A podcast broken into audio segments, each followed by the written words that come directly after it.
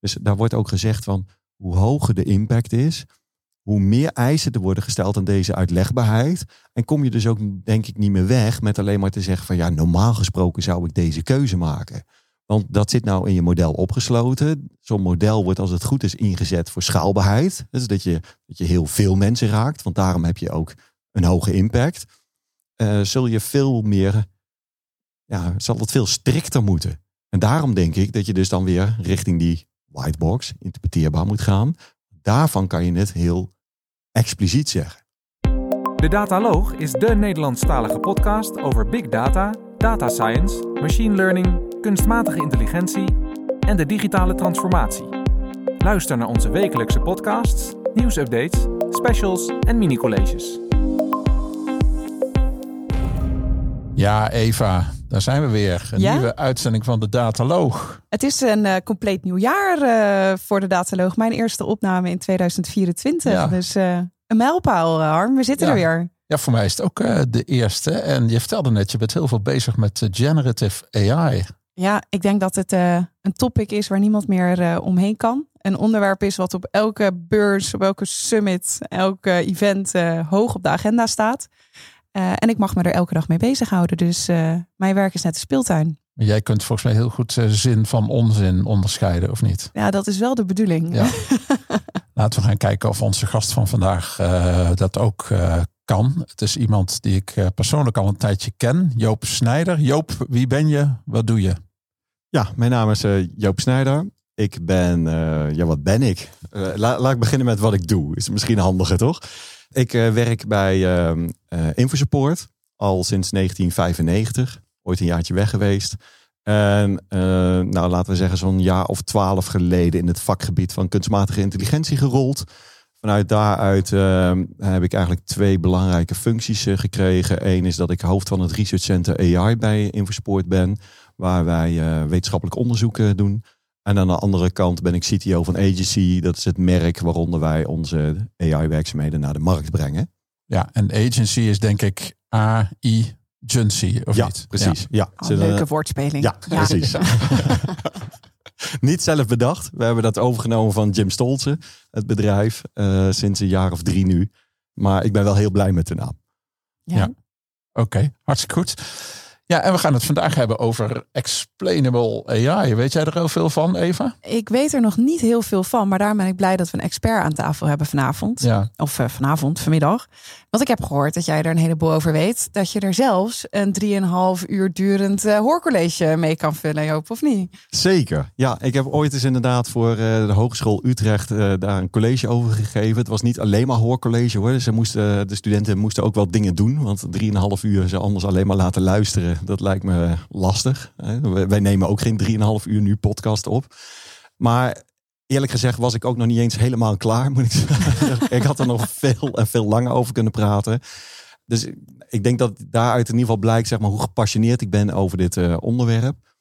Uh, ik vind het een belangrijk onderwerp. En zo belangrijk dat het ook een van onze belangrijkste onderzoekslijnen zijn in het Research Center AI wat we hebben. Ja, maar 3,5 uur is wel heel lang. Hoe hou je die studenten zo lang wakker, joh? Nou ja, ik probeer in ieder geval het ook een beetje enthousiast te brengen natuurlijk. En ik denk dat het zodanig noodzakelijk is dat, dat ik ze ook langzaam laat proeven hoe noodzakelijk dit onderwerp is en waarom je het nodig hebt om uiteindelijk echt goede AI-modellen te maken. En ik moet zeggen, dit waren wel studenten die ook daadwerkelijk AI studeerden. En dat, dat maakt denk ik wel wat uit. Oké. Ja, en dan even in een notendop, hè, want het hoeft niet 3,5 uur te duren, maar... Je zegt het is een onderwerp wat noodzakelijk is, wat, wat je zelf heel belangrijk vindt, maar waar jullie ook heel veel onderzoek naar doen. Ja. In een notendop, wat is explainable AI dan vanuit jouw perspectief? Ja, explainable AI is eigenlijk een, uh, een ze noemen het een, een, een, onderzoeksveld binnen AI die erover gaat dat je uitleg kan geven over hoe een model redeneert. dus hoe je, hoe je uiteindelijk van input output krijgt. En een van de zaken is dat je een, eh, als je een black box hebt, dat je daar dan toch over kan aangeven van hoe de besluiten zijn gemaakt. Wat mij betreft valt interpreteerbare AI valt daar ook onder. Dat zijn de whitebox modellen waarvan je eigenlijk gewoon in het model zelf kan kijken van wat gebeurt er. En dat, dat in een notendop is eigenlijk dus het, het, het openen van een black box of het laten zien wat er in een model gebeurt. En is het dan de bedoeling om van een blackbox een volledige whitebox te maken? Of zal het al helpen als we een heel klein beetje een gespikkelde, gekleurde box krijgen van informatie? Ja, oh, daar zit heel veel in, eh, Ja. in, in opgesloten in deze vraag. Die black box, die maak je niet, niet volledig open met Explainable AI. Dat is namelijk een van de, de eh, ja, problemen ook wel. Daar kan ik zo direct iets meer over uitleggen. Eh, en ik geloof uiteindelijk ook veel meer in die whitebox modellen. Dus dat je zou moeten kiezen, beginnen met als het mogelijk is om een whitebox model eh, als basis te nemen. Dat je daar start, dat dat altijd je keuze is over een blackbox model. En dat kan niet altijd, maar dat je daar wel begint in plaats van andersom. Dus dat je begint met een blackbox eh, en dan maar pro- langzaam probeert open te maken. En als we het dan hebben over het openbreken van zo'n box, eh, Ja. is dat dan juist voor bedrijven een noodzaak omdat zij nou, toch ook aan hun klanten willen uitleggen wat er gebeurt achter de schermen?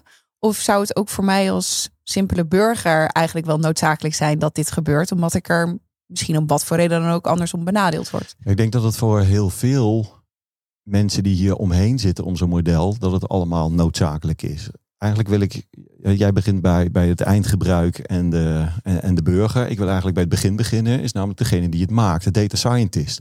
Als jij niet weet hoe je model werkt, hoe kun je hem dan verbeteren? Hoe kun je dan fouten herkennen?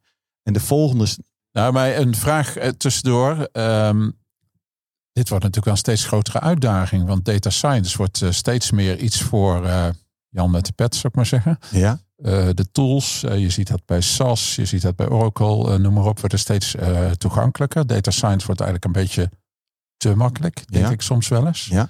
mee eens. Waarmee eigenlijk het probleem van de uitlegbaarheid misschien steeds groter wordt. Hoe zie jij dat? Ja, die wordt heel veel groter. Juist door de aanbieders die het zo makkelijk mogelijk maken, halen dit soort zaken allemaal bij je weg. Dus die willen alleen vooral laten zien hoe nauwkeurig het model is. En daarmee dat hij dan, zeg maar tussen aanhalingstekens, goed presteert.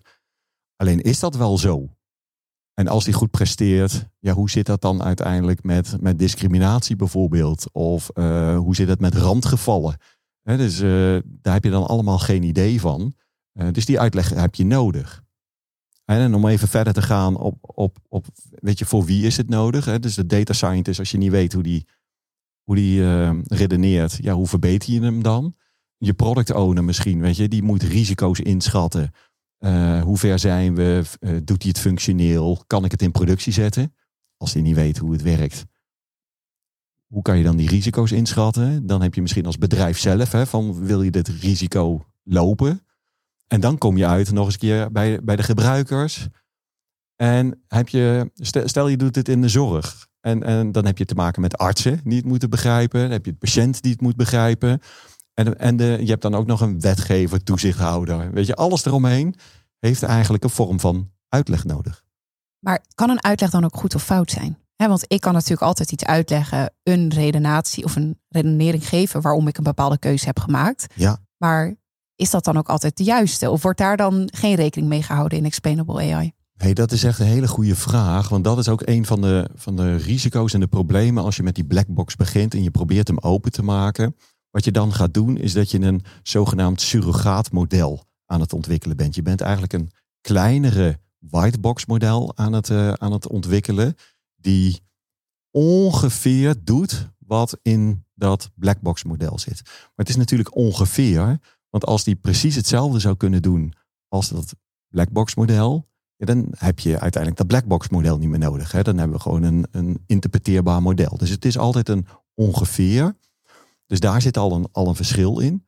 En de technologieën die je hiervoor kan gebruiken om zo'n surrogaatmodel te maken. eh, meestal gebruiken data scientists daar Lime of Shep voor. Die hebben een verschil van mening over hoe het model kan redeneren. En dan wordt het wel heel erg spannend, toch? Als de ene zegt van eh, het ene en de andere het andere. Wat, wat moet je daar dan mee? Wat is dan de waarheid? Ook? Wat is dan de waarheid? Ja. Want hoe ga je daarmee om? Hè? Kijk, stel het is, eh, het is inderdaad wiskunde en we weten A plus B is AB. Ja. Eh, dan zijn het feiten waar we het over hebben. ja. Maar keuzes maken in een data science model of als data scientist, dat is af en toe ook gewoon, nou misschien een stukje, ik, ik heb altijd al deze keus gemaakt of eh, ik heb gezien in het verleden dat dit werkt. Dus waarom zou ik dan overige alternatieven nog moeten beoordelen? Ja. En, en Dat lijkt me pittig. dat is hartstikke pittig. En ik denk daarom, hè, dus met in de, de nieuwe wetgeving die er aankomt, de EU AI Act, wordt er ook onderscheid gemaakt in risicoklasses en de impact die een, eh, een model kan hebben. Dus daar wordt ook gezegd van hoe hoger de impact is, hoe meer eisen er worden gesteld aan deze uitlegbaarheid. En kom je dus ook, denk ik, niet meer weg met alleen maar te zeggen van ja, normaal gesproken zou ik deze keuze maken. Want dat zit nou in je model opgesloten. Zo'n model wordt als het goed is ingezet voor schaalbaarheid. Dus dat je, dat je heel veel mensen raakt. Want daarom heb je ook een hoge impact. Eh, zul je veel meer, ja, zal het veel strikter moeten. En daarom denk ik dat je dus dan weer richting die whitebox, interpreteerbaar moet gaan. Daarvan kan je het heel expliciet zeggen. Ik denk, eh, net zoals jij Joop, ik geef ook regelmatig eh, gastlessen, gastcolleges. En ik loop net zoals jij ook bij klanten rond, net zoals Eva natuurlijk. Mijn definitie van uitlegbaarheid is dat ik een algoritme op een whiteboard kan tekenen. En aan iemand zonder data science achtergrond kan uitleggen wat het algoritme doet.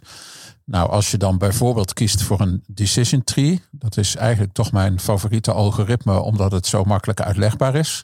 Vergelijkbaar met het spelletje, hè? wie ben ik? Ja. Iedereen kent het wel. Ja, Eh, dan kun je toch uitleggen van nou, het eh, algoritme gaat linksaf als eh, dit criterium geldt, rechtsaf Ja. als dat criterium geldt. En zo kun je het algoritme uittekenen. En in natuurlijke taal kun je het uitleggen. Dat is eigenlijk mijn Jip en Janneke definitie van uitlegbaarheid. Komt die overeen met jouw definitie? nee, totaal niet. Oké, vertel.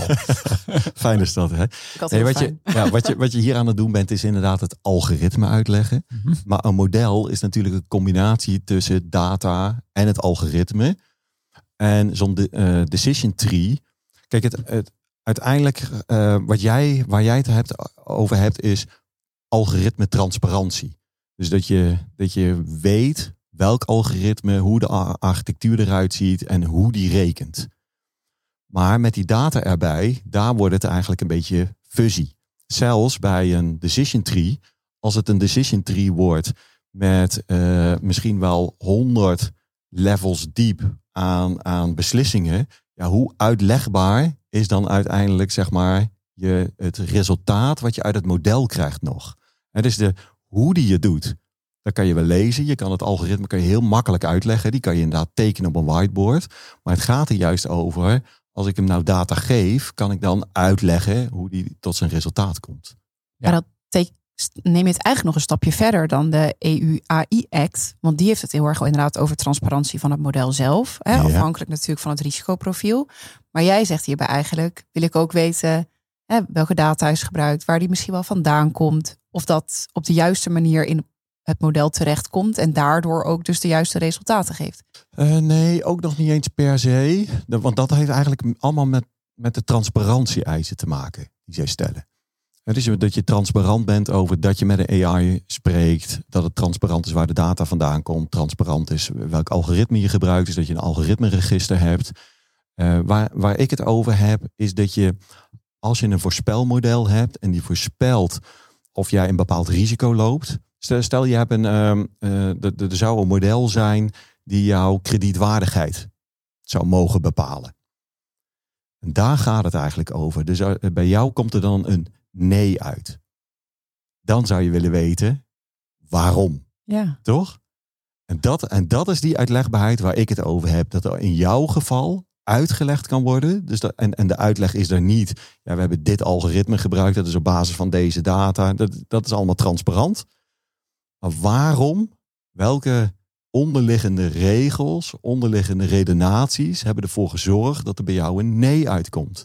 En dat recht, dat heb je. En dat ligt zo direct ook vast in die EU-AI-act. Is dat dan niet ook meteen een hele mooie open deur, waardoor ik dan kan denken: hey, ik weet nu op basis van welke business rules ik misschien wel ben afgewezen op, eh, op de aanvraag van mijn krediet. Dus ik weet waar ik de volgende keer misschien anders moet doen om wel een groen vinkje te krijgen. Ja, en bedrijven die, die dit soort di- dingen hebben, zullen daar een afweging in moeten maken van wat vertel je wel, wat vertel je niet. Eh, je kan je voorstellen dat een creditcardmaatschappij zal, het heel, zal die kaarten heel dicht op, op de borst houden. Hè? Ja. Zodat jij inderdaad niet, geen gebruik kan maken van die regels. Dat je dan denkt van, oh, maar als ik dan dit doe, ja, dan, dan, ja, dan kan ik lekker vals spelen. Ja, bijvoorbeeld. Uh, dus, dus daar zal, weet je, daar zal een afweging in gemaakt moeten worden. Maar het blijft dat het noodzakelijk is dat je weet waarom uiteindelijk die nee eruit gekomen is. Ik heb uh, een, een, voorbeeld uh, uit, uit de zorgpraktijk.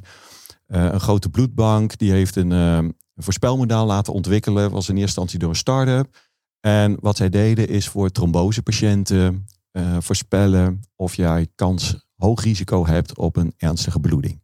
Een ernstige bloeding is echt serieus ernstig. Daar kan je aan komen te overlijden. Dus ik konden zeg maar twee weken van tevoren behoorlijk nauwkeurig, dan heb je het echt over 98, zoveel procent nauwkeurig voorspellen of jij een hoog risico hebt op een nabloeding.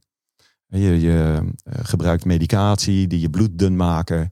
En als die te dun is, en je, en je krijgt een bloeding, ja, dan loop je gewoon leeg. Dus echt wel een heel serieus model met een serieuze impact. Zij zeiden van, ja, wij kunnen dit model niet gebruiken, want ik heb er niks aan als er alleen maar hoog risico uitkomt. En want wat, wat zou je willen weten? Hè, dus, dus stel je bent trombosepatiënt, Harm, en er wordt tegen jou gezegd, ja, je hebt een hoog risico, hoog risico dat je de aankomende twee weken, als je je ergens stoot, dat je komt te overlijden.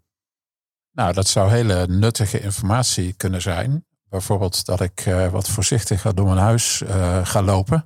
Ja. maar, ja, maar, ook, nou stel daar hangt een, uh, een, een, een medische behandeling aan vast. Stel je zegt, nou als je die en die pillen neemt, dan verklein je voor jezelf het, het, dit risico. Dat, dan heeft dat nut, lijkt mij. Ja, maar dan moet je dus wel weten dat het aan die pillen ligt. dus ja. dit model was getraind op 100 plus variabelen. Dus blijkbaar zijn er ook eh, misschien wel 100 plus knopjes waar je aan zou kunnen draaien.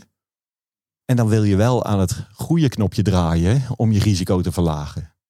Ja. ja. Is dit voorbeeld wat je nu noemt, hè Joop? Is dit een voorbeeld van een algoritme dat eigenlijk uh, niet explainable hoeft te zijn? Of het juist eigenlijk wel zou moeten zijn? Ja, ik denk juist heel erg. Ja. Want als je namelijk weet op basis hè, wat de belangrijkste factoren zijn geweest waarom je uh, voorspeld uh, krijgt dat je een ernstige bloeding zou kunnen krijgen.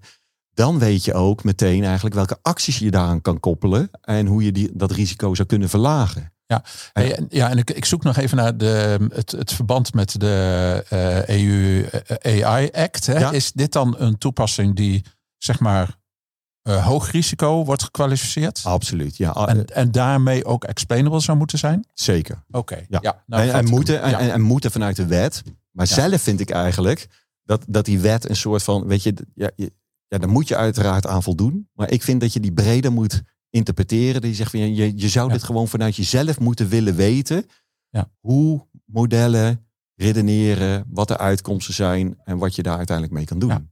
Kun je dan ook een voorbeeld geven van een, uh, een algoritme aan de andere kant van het spectrum, zeg maar? Uh, laag risico, waarbij het eigenlijk totaal niet boeit hoe het algoritme tot zijn beslissingen komt? Ja, in ieder geval voor jou als gebruiker. Uh, ik denk dat we allemaal wel iets van een streamingdienst uh, gebruiken. Netflix, uh, Disney, dat soort zaken. Nou, die, die bevelen jou allerlei series en films aan. Ja, wat nou als jij een bepaalde film niet aangeboden krijgt? Ja, ik denk voor jou persoonlijk, weet je, is dat, is, heeft dat geen grote impact op je levenssfeer, zou ik ah, zeggen. Dan mis toch? ik Aladdin straks. dan mis je alles, ja, ja. En als het hele belangrijke films zijn, weet je, uh, zal Harm tegen je zeggen van... hé hey Eva, heb je deze al gezien? En dan krijg je het alsnog tot je.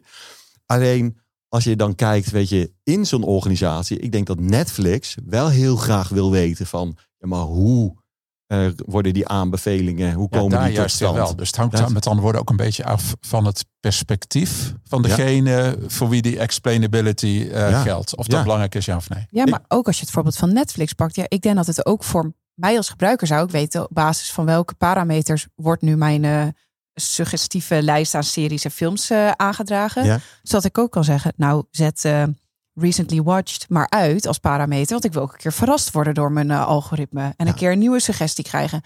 Ik zou het fijn vinden. En dat ja, fijn, opzicht. fijn. Het is geen risico, maar het zou wel een mooie bijkomstigheid zijn als Precies. je als eindgebruiker in zo'n perspectief zelf ook kan, kan sleutelen aan het model. Ja. Om het voor jezelf nog persoonlijker te maken. Weet je dat ze al een vorm van uitleg geven? Dat wist ik niet. Maar dat doen ze in app of waar doen ze dit? kijk maar eens bij de, bij de aanbevelingen die je krijgt. daar staat er, omdat je naar film, omdat je naar Oppenheimer hebt gekeken. En dan staat er een hele lijst van, van films of series. Uh, de luisteraars dus zouden dit even moeten zien, want Eva zit hier naast mij. Ze gaat onmiddellijk kijken. ja, omdat je de Lincoln Lawyer hebt gekeken, ja. uh, krijg je de Recruit bijvoorbeeld nou, aan. Nou, we doen fact-checking tijdens, de, tijdens de podcast. Ja. ja. dus, dus zij hebben wel een vorm waarvan zij denken dat dit voor de algemene gebruiker uh, voldoende is. En of dat zo is, dat, dat, dat hangt van de, van de case af. Maar ook zij hebben al een stukje uitleg erin zitten die, jij, die, je niet eens is opgevallen, denk ik. Nee, dan weet je, oh, dat past, past in de categorie die ik eerder heb gezien. Ja, Super. Precies, precies. Hey Joop, um, wij wilden jou graag in deze uitzending hebben. Ook omdat je zelf een podcast uh, maakte, AI Today Live. Uh, maar we vroegen jou in het voorgesprek, wat is nou het thema, waar wil je over praten? Toen zei je explainable AI. Waar, waarom, met al je ervaring, waar, waarom is dit nou zo'n thema wat er voor jou bovenuit springt? Nou, ten eerste wat ik, wat ik net zei. Ik, ik, geloof erin dat het, dat het nodig is voor de adoptie, vertrouwen in deze technologie. Er, er, is natuurlijk heel veel wantrouwen. Soms misschien terecht. Ik denk heel vaak onterecht. Maar als jij, als jij veel beter snapt en begrijpt hoe besluiten genomen worden, is het zo direct veel makkelijker om te accepteren dat we dit soort modellen gebruiken. Aan de andere kant vind ik het ook dat we als algemeen, zeg maar, als in de wetenschap als makers veel te makkelijk en te snel naar blackboxes grijpen. Zo, dit is eigenlijk de weg van de minste weerstand. En ja, dat, ik weet niet, dat, dat, dat, dat knaagt, zeg maar, dat wringt. dus uh, je kan heel makkelijk een blackbox maken. Dus heb je heel snel resultaat. Is heel makkelijk. En dat, dat, dat uh, ja, hoe moet ik dat zeggen? Dat, dat komt aan mijn professionaliteit en mijn gevoel van professionaliteit. Want je, uh, eigenlijk waar, waar, jij net op, op doelde, van het wordt steeds makkelijker om een model te maken. Uh, ja, maar weet wel wat je doet. En als je dat niet weet, weet je, waar, waar, waar ben je dan mee bezig? Ja, ik was even benieuwd, want je zei net, hè, we moeten het uitlegbaar maken omdat we die acceptatie, die adoptie hoger willen hebben. Ja.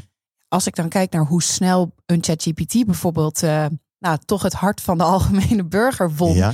ja Zo'n snelle adoptie hebben we eigenlijk nog nooit gezien. En ik denk dat dit het minst uitlegbare model is wat we in de afgelopen jaren voorbij hebben zien komen. dus hoe, hoe, haakt dit dan op elkaar in? Want heeft de burger dan wel behoefte aan uitlegbaarheid in alle gevallen? Ja, dat is een hele goede vraag. Uh, en ik denk aan de ene kant dat het een uh, tegen de stroom in is. Blijkbaar zeg maar, is, is het gebruik en, en het nut of zo er zo groot van dat we erin duiken en denken van nou, het zal wel. Aan de andere kant, ik geef ook heel veel presentaties bij klanten, bij bedrijven. En het eerste waar ze het over hebben, is dit van het is niet uitlegbaar, want ik moet wel zeker weten dat als een chatbot of een ander taalmodel iets voor mij gaat doen, moet ik wel echt weten dat het klopt, dat het juist is en, en hoe doet hij dat dan? Dus blijkbaar zeg maar, als wij dat als burger of uh, nou, misschien zelf in je eigen werk ook. Als je het gebruikt, heb je er minder last van. Omdat je de uitkomsten nu wel, als je iets vraagt waar jij, nou ja, zeg maar expert of in ieder geval genoeg van kennis van hebt, dat je kan lezen en kan begrijpen of het goed is of niet goed is, dat dat voldoende voor je is. Ja. dus daarmee kun jij zelf besluiten of je het antwoord wel of niet vertrouwt. En die explainable AI gaat er eigenlijk ook over. Ja. dus die gaat erover, ben ik in staat om het model te vertrouwen. Kan ik begrijpen wat er uitkomt? Snap ik het? En ook, dus als jij nu van ChatGPT iets terugkrijgt waarvan je denkt, ja, maar dat is totale onzin. Dat is een heel duidelijk signaal. Dan denk je van, ja, maar dan gebruik ik het niet. Ja. En datzelfde wil je ook in bedrijfskritische applicaties. Dat als je toch iets terugkrijgt uit zo'n model. En dat een arts iets terugkrijgt. En die zegt, ja, maar dit klopt niet. ga ik niet gebruiken. Doe ik niet.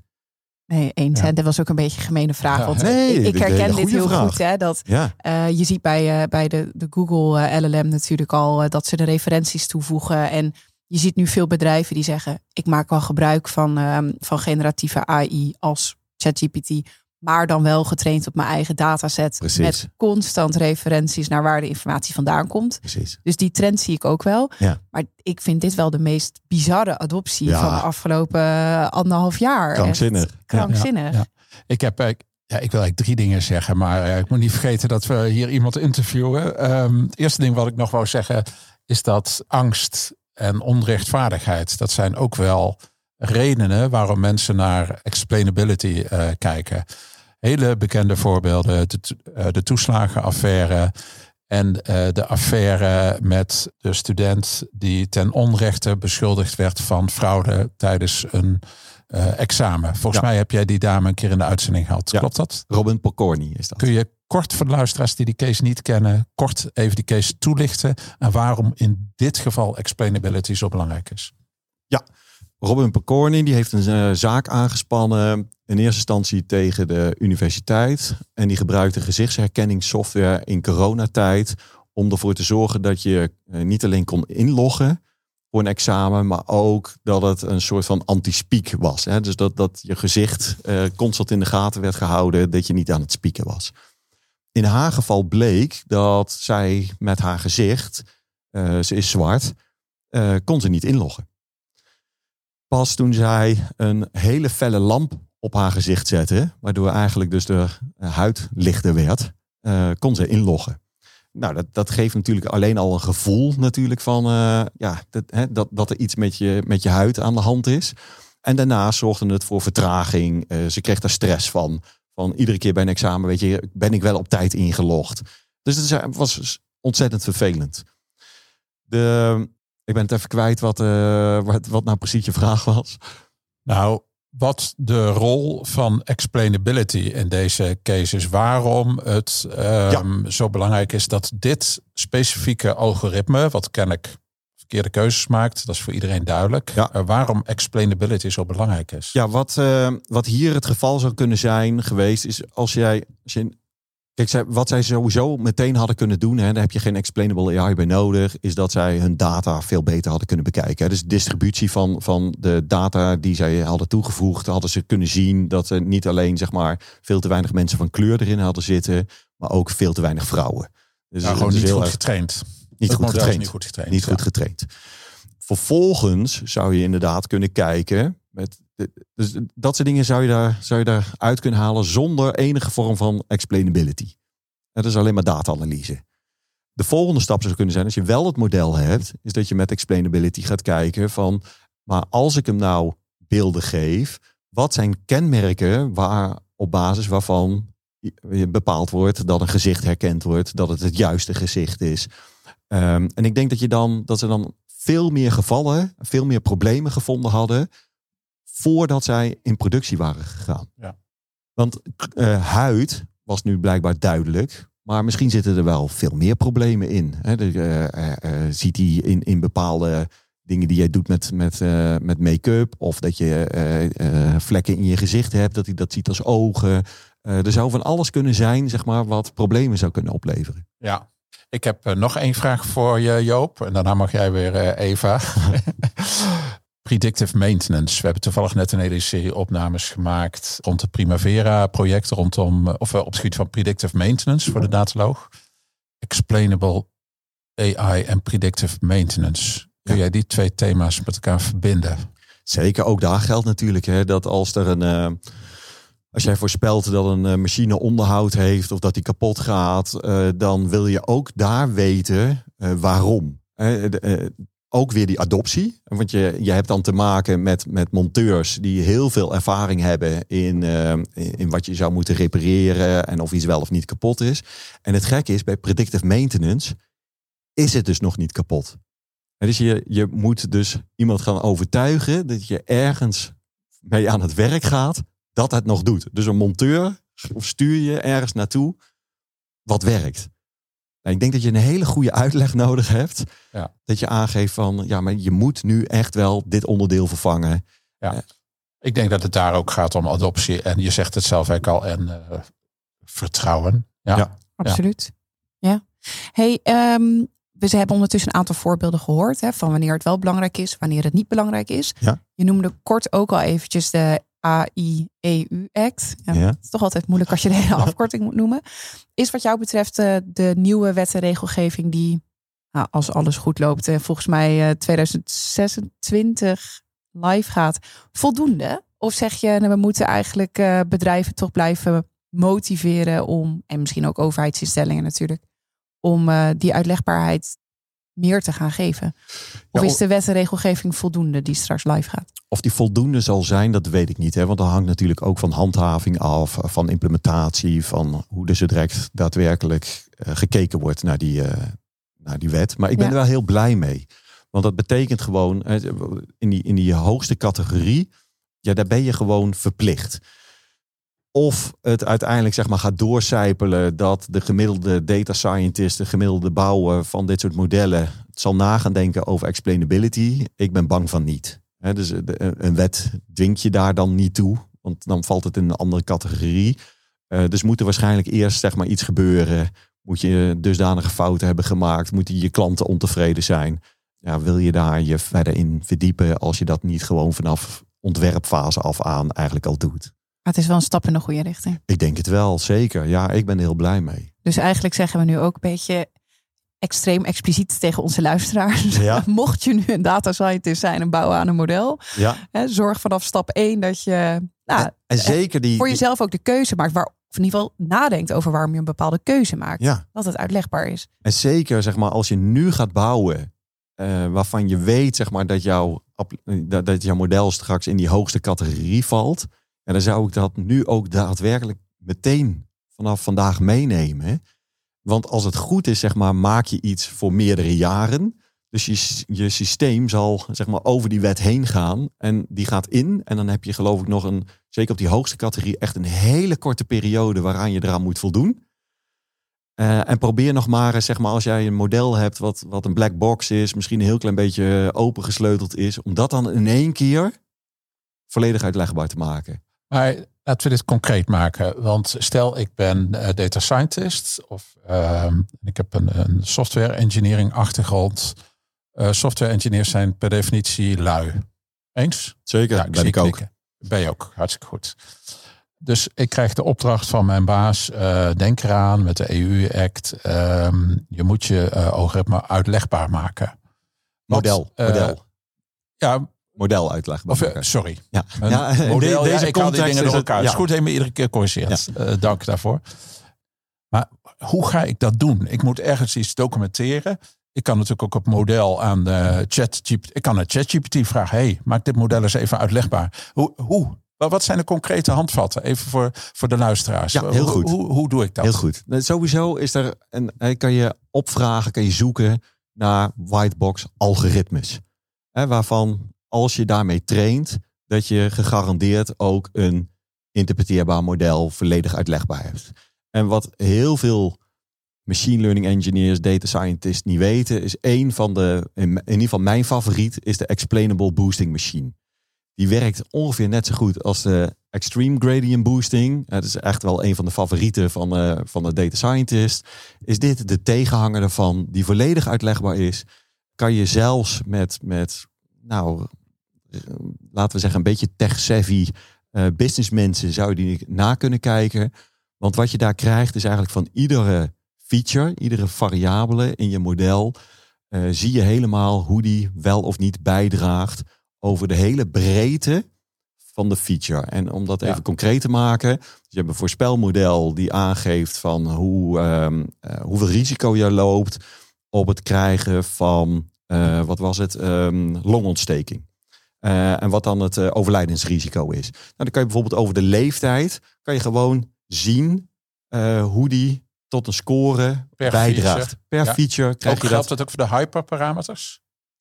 Nee, met, met je hyperparameters train je het mo- model. Dus dat zijn knoppen die je aan het algoritme hebt. Dus je, je hebt uiteindelijk heb je het model, het getrainde model. En daarvan zie je helemaal per feature? Ja. per feature kan je helemaal nagaan hoe die al die scores van al die grafiekjes bij elkaar optelt. En dan is er nog iets moois. Ja, dan, dan, ja, nu komen we in het. eh, Nou, we zien je glimlachen. ja, dus nu krijgen we de kerst met taart. Vertel. Wat, wat ze hadden is, is dit is een, eh, een bestaand model. Eh, Microsoft had dat, eh, had dat ontwikkeld, Microsoft eh, eh, Research. En die hadden dan ook dat, dat model hadden ze eh, getraind van het voorspellen van dus overlijdensrisico voor longontstekingen. Wat zij zagen is dat je bij, eh, als jij rond je tachtigste, en dat zat echt echt precies op zo'n getal. Hè, dus voor data scientists zijn dat wel vlaggetjes. eh, op die tachtigste ging in één keer ging, die, ging dat grafiekje ging rechtlijnig ging die omhoog. Dus dat betekende op je tachtigste had je in één keer heel veel meer risico om te komen te overlijden. Dat was natuurlijk al vreemd. Nou, dan kabbelde die een beetje door, loopt die een beetje op. Hè. Dat verwacht je ook, want hoe ouder je bent, hoe groter, eh, als je longontsteking hebt, groter het risico dat je komt te overlijden. En wat denk je, bij de 100 zakte die bijna terug tot het niveau van 80. En toen liep het weer een klein beetje op. En dat was natuurlijk heel raar. Ja. En dat zijn nou, daarom ben ik zo blij zeg maar, met zo'n interpreteerbaar model. Dan denk je, hey, dit is raar. Hier moeten we wat mee. Dus wat, dat hadden zij ook. Dus zij gingen naar artsen toe. Zeggen van, wat, wat gebeurt hier? Hoe kan dat nou? Het is toch raar? Je zou verwachten dat dat... En dus als jij heel jong bent, heb je wat meer risico. Ga je een dal in en dan loopt het heel langzaam op. En dan hebben we in één keer twee van die hele rare Ik heb een vermoeden, maar eh, leg, het, leg het maar uit. wat er gebeurde is eh, bij 80, dan eh, zit er vaak al heel veel onderliggend lijden. En is een longontsteking is vaak een soort van laatste stukje wat je krijgt. Die zou best wel agressief behandeld kunnen worden. Maar dat doen ze niet omdat er zoveel onderliggend lijden is. Dus de patiënt, arts, familie hebben eigenlijk een overeenstemming dat je dan denkt van het is mooi geweest. Nou, dan kabbelt het dus langzaam omhoog. En dan heb je nog die hè, vanaf 100 naar beneden, bijna terug. En daar zat ook een psychologische grens. Waren ze achtergekomen. Want als jij namelijk de 100 hebt bereikt, is dat een mijlpaal. En dan heeft in één keer arts, patiënt, familie zoiets van... Ja, maar nou hebben we de 100 bereikt. Nou moeten we er ook voor gaan. En dan wordt in één keer wel eh, al die agressieve eh, eh, behandelmethodes uit de kast getrokken. Om ervoor te zorgen dat je nog zo lang mogelijk leeft. Ja. Ja. En het leuke is als je, als je dit dus weet, dus dat heb je in zo'n grafiekje. Zo'n grafiekje kan je dus gaan aanpassen aan de hand van de kennis die je als mens hebt. Dus die, die, hè, dit, dit is puur de data. De data zegt dit. Maar afhankelijk van de use case die je nu hebt, zou je kunnen besluiten om er anders mee om te gaan. Als jij eh, eh, het overlijdingsrisico zou moeten, eh, ehm, zeg maar echt, hè, hoe het echt is, eh, zou dat een veel geleidelijke grafiek eh, zijn. Dus het hangt een beetje van je use case af wat je, wat je hiermee wil.